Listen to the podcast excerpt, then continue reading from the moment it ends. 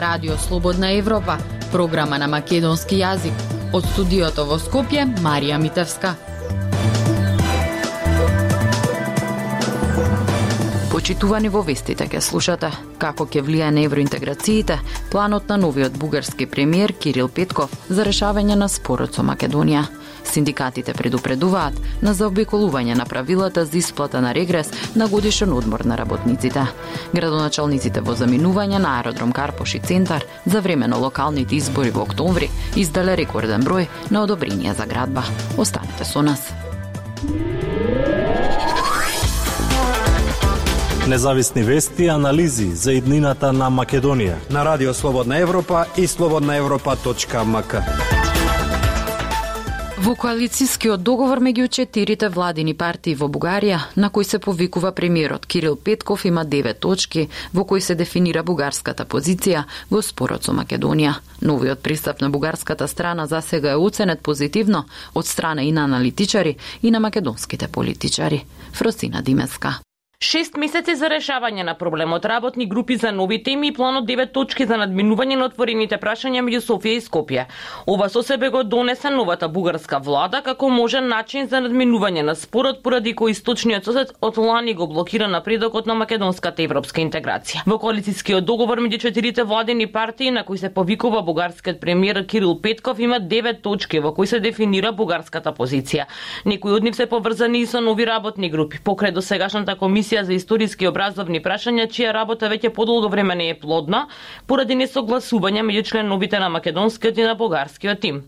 Па така во бугарскиот коалиционен договор се споменуваат и комисии за бизнис во кои би имало бизнисмени од двете држави. За наука и култура се предвидува заеднички културен календар и заеднички научни конференции, како што пишува треба да се активира и работата на билатерални комисии предвидени во договорот за пријателство. Дали се тоа ќе го забрза или ќе го забави процесот на македонската европска интеграција. Според Васко Наумовски, поранешен вице-премиер за евроинтеграција и професор на правниот факултет, пристапот на новата бугарска влада е поинаков од оној на предходната кога доминира историски теми. Областите кои што се споменати, може би ќе придонесат за приближување на двете држави двата народа, доколку тоа е во еден конструктивен дух. Сепак Петков постојано повторува дека бугарската позиција останува, но дека таа ќе биде надградена. Во последното интервју за Financial Times тој е представен како човек кој сигнализира дека Софија ќе престане со обструкциите на обидот на Северна Македонија за да члени во Европската унија. Но истовремено Петков сугерира дека во македонските учебници Бугарија не треба да биде нарекувана фашистичка. Инаку дека Софија останува на позициите од декларацијата донесена во бугарското собрание во 2019 година, каже и новоизбраната министерка за надворешни работи Теодора Генчовска, која рече дека останува да се придржуваат до неа. Во декларацијата која изгласа бугарските пратеници пак се наведува дека ги поддржуваат преговорите за членство во ЕУ за Скопје, но дека услов е признавање на историската вистина за заедничка историја што ја споделуваат двете држави. Председателот Стево Пендаровски кој се наоѓа во посета на Приштина пак рече дека него му е прифатлив пристапот на новиот бугарски премиер, кој како што рече заговара историјата да не биде единствен канал преку кој двете соседни земји ќе комуницираат. Да разговараме за инфраструктура, да разговараме за енергетско поврзување, да разговараме за економија, за трговска размена, да разговараме за европски интеграции, да разговараме за човекови слободи и права, да разговараме за пандемијата, Меѓутоа, секако не да разговараме за тоа што се случило пред 3 или пред 5 века. Тоа е модерен пристап кој го поддржувам. Се разбира, не го поддржувам временскиот рок кој беше најавен на 6 месеци. Мислам дека проблемот меѓу нас може да се реши за многу покус временски период. Министерот за надворешни работи Бујар Османи имаше забелешка. Вели Бугарија има право на вето, но 6 месеци кои ги најави Петков се предолг период во контекстот во кој се наоѓа регионот. Слободна Европа. Следете на на Facebook, Twitter и YouTube. Рокот за исплата на К-15 до крајот на годината, но според синдикатите, исплатата во многу сектори не оди гладко. Најчестата злоупотреба според нив е префрлање на парите на трансакциска сметка, но со тивко договорена обврска, работникот да му ги врати парите на газдата во кеш. Зора Нагаджовска Спасовска. За две недели стикува рокот во кој работодавачите во приватниот сектор имаат законска обврска на вработените да им исплатат регрес за годишен одмор, односно К15, чиј минимум изнесува 11.457 денари. Но тоа за работниците во многу сектори не оди гладко. Дел од работодавачите си поигруваат со исплатата. Председателот на Конфедерацијата на синдикати Благоја Рапловски вели дека исплатата на К15 стара болка затоа што во дел од фирмите не се исплаќа, додека во друг дел работодавачите работодавачите ги принудуваат работниците да ги вратат парите на рак. А некаде и синдикатите кои што повикуваат на протести прават анекси на, на колективните договори каде што ги кратат а, примањата од, а, од во делот на К15 или на годишен регрес, така да проблемите во делот исплатата на К15 за работниците, јас би го лоцирал во Државниот трудов инспекторат. Ако Државниот трудов инспекторат И желба да го реши тој проблем, верувајте ми, дека проблемот ќе биде многу брзо решен и дека нема работниците да се соочуваат со вакви притисоци како што се соочуваат сега. Казната за неисплата на К15 изнесува од 2 до 3000 евра која би ја платило правното лице и од 500 до 1000 евра за одговорното лице во фирмата. Од друга страна, председателката на граѓанското здружение за заштита на работничките права гласен текстилец Кристина Ампева вели дека проблемите во исплатата на К15 се лоцирани во тупката оставена за слободно толкување на колективниот договор, што го прави износот од 100 денари за К15 законски.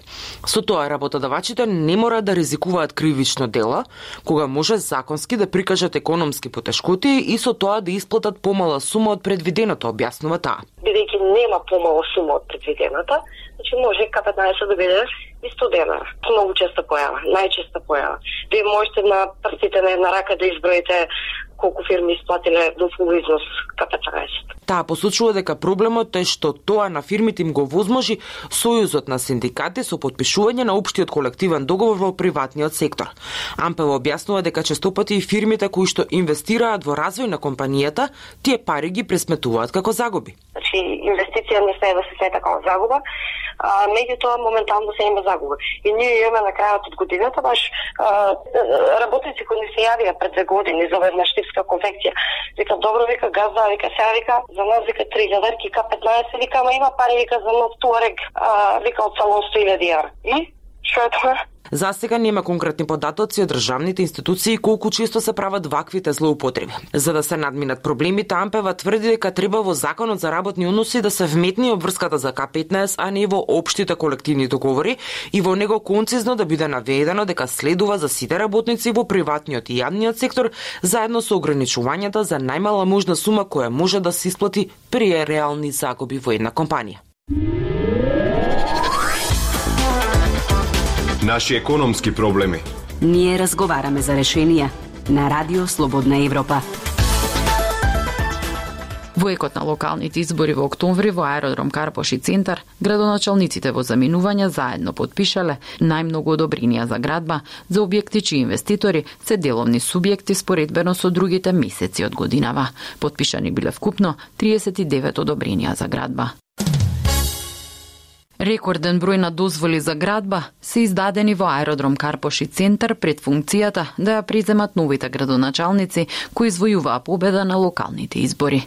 Податоците на Државниот завод за статистика покажуваат дека во октомври градоначалниците од овие три општини пред да заминат од функцијата ставиле подпис на вкупно 39 одобренија за градба на објекти чии инвеститори се деловни субјекти. Најмногу одобренија 17 биле подпишани во Центар, а потоа следи Карпош со 13 13 и аеродром со 9. СДСМ одлучи да не ги кандидира повторно актуелните градоначалници на овие општини кои доаѓа од низините редови Златко Марин, Стефан Богоев и Саша Богдановиќ. Владачката партија успеа да го задржи само центар каде да победи нивниот кандидат Горан Герасимовски. На фотелјата на Марин во аеродром седна Тимчо Муцунски од ВМРО ДПМН, а во Карпош се врати Стефчо Јакимовски. Вкупно годинава до ноември најмногу дозволи се штанцеле во Карпош или 61 на број. На второ место место е Центар со 48, а на трето аеродром со 24 дозволи за градба.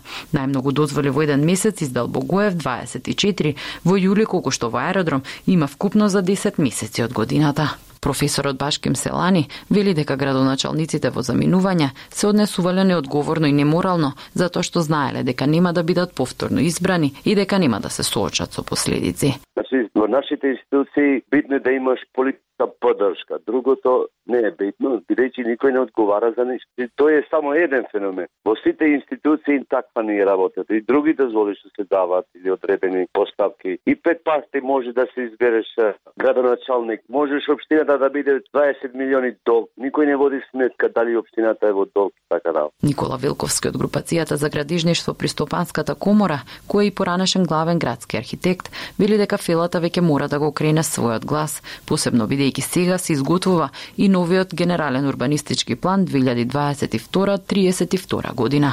Во сите овие општини, поготово што се овие сите у централно градско подрачје, поготово вие што ги спомнате, нема веќе никаква ни потреба, нити сме да, да се гради и да се направи инвестиција на се што е од таков тип на град. Според него, ако има потреба од дополнителни станови, згради треба да се градат на периферијата на Скопје. Култура и уметност. На Радио Слободна Европа.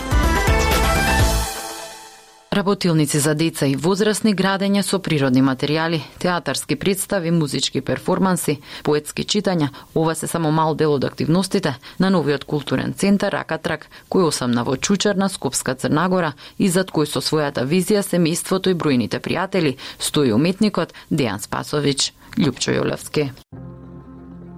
Раката како центар некако би сакал спонтано да се оформи без претерани усилености за тоа како треба да бидат работите. Од креативни работилници со деца преку перформанси, уметнички случувања, музички случувања, поетски читања и секако отвореност за се ново и квалитетно што би се појавило. Сето тоа далеку од гужвата во градот, во природа. Според мене тоа е добитна комбинација. Одреченоста според мене никогаш не е пречка за тоа да ти се случи нешто пријатно и убаво. Да не зборуваме дека на времето поминувавме стотици километри да отидеме на некој концерт. Мислам дека современата технологија малку ги направи луѓето да станат инертни, но се уште постојат такви кои би сакале да им се случи нешто поразлично, па макар и да се повозат некои 20 на минути.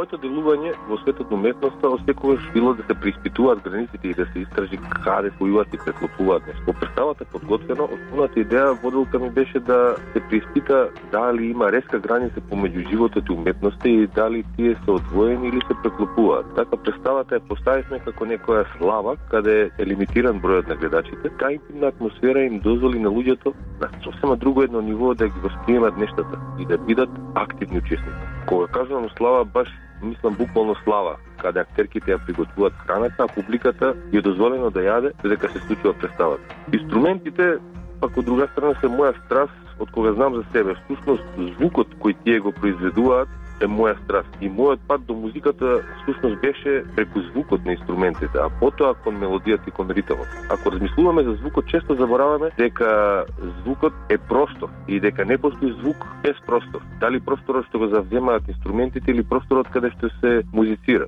Учесниците во оваа работилница беа луѓе кои скоро никогаш не биле дел од креирање и изведување на музика или изработка на инструмент. Тоа за мене беше вистински предизвик, затоа што верувам дека не постои немузикален човек. Туку само човек човек на кого му е потисната музикално. После 4 дена учесниците настапија без никаков проблем пред публиката на инструментите кои самите ги изработија перформативноста во уметноста е нешто што го истражувам уште од факултетски денови и доста често во моето делување учествувам во театарски и музички филмски проекти. Со подготвено пак направив еден експеримент заедно со актерките, каде ја и преиспитувавме границата помеѓу актерската игра и уметничкиот перформанс. И мислам дека успеавме. Представата е планирана да стигра на пролет на матичната сцена во раката. Но дали ќе прерасне во нешто поголемо, не би сакал да предвидувам, но секако раката е отворен за нови проекти и за соработка со алтернативната сцена во и надвор од државата. Идејата за летна сцена е нешто на вистина предизвикателно, но секако е огромен залак. И покрај тоа што дефинитивно има потреба за отворена летна сцена, мислам дека пред се треба да се направи квалитетна група на луѓе кои би сакале да креираат и да одржат нешто, затоа што често сме сведоци дека нешто убаво ќе се роди и после многу брзо ќе замре. Тоа беше се во вистите на Радио Слободна Европа. Од студиото во Скопје со вас беа Марија Митевска и Дејан Балаловски. До слушање.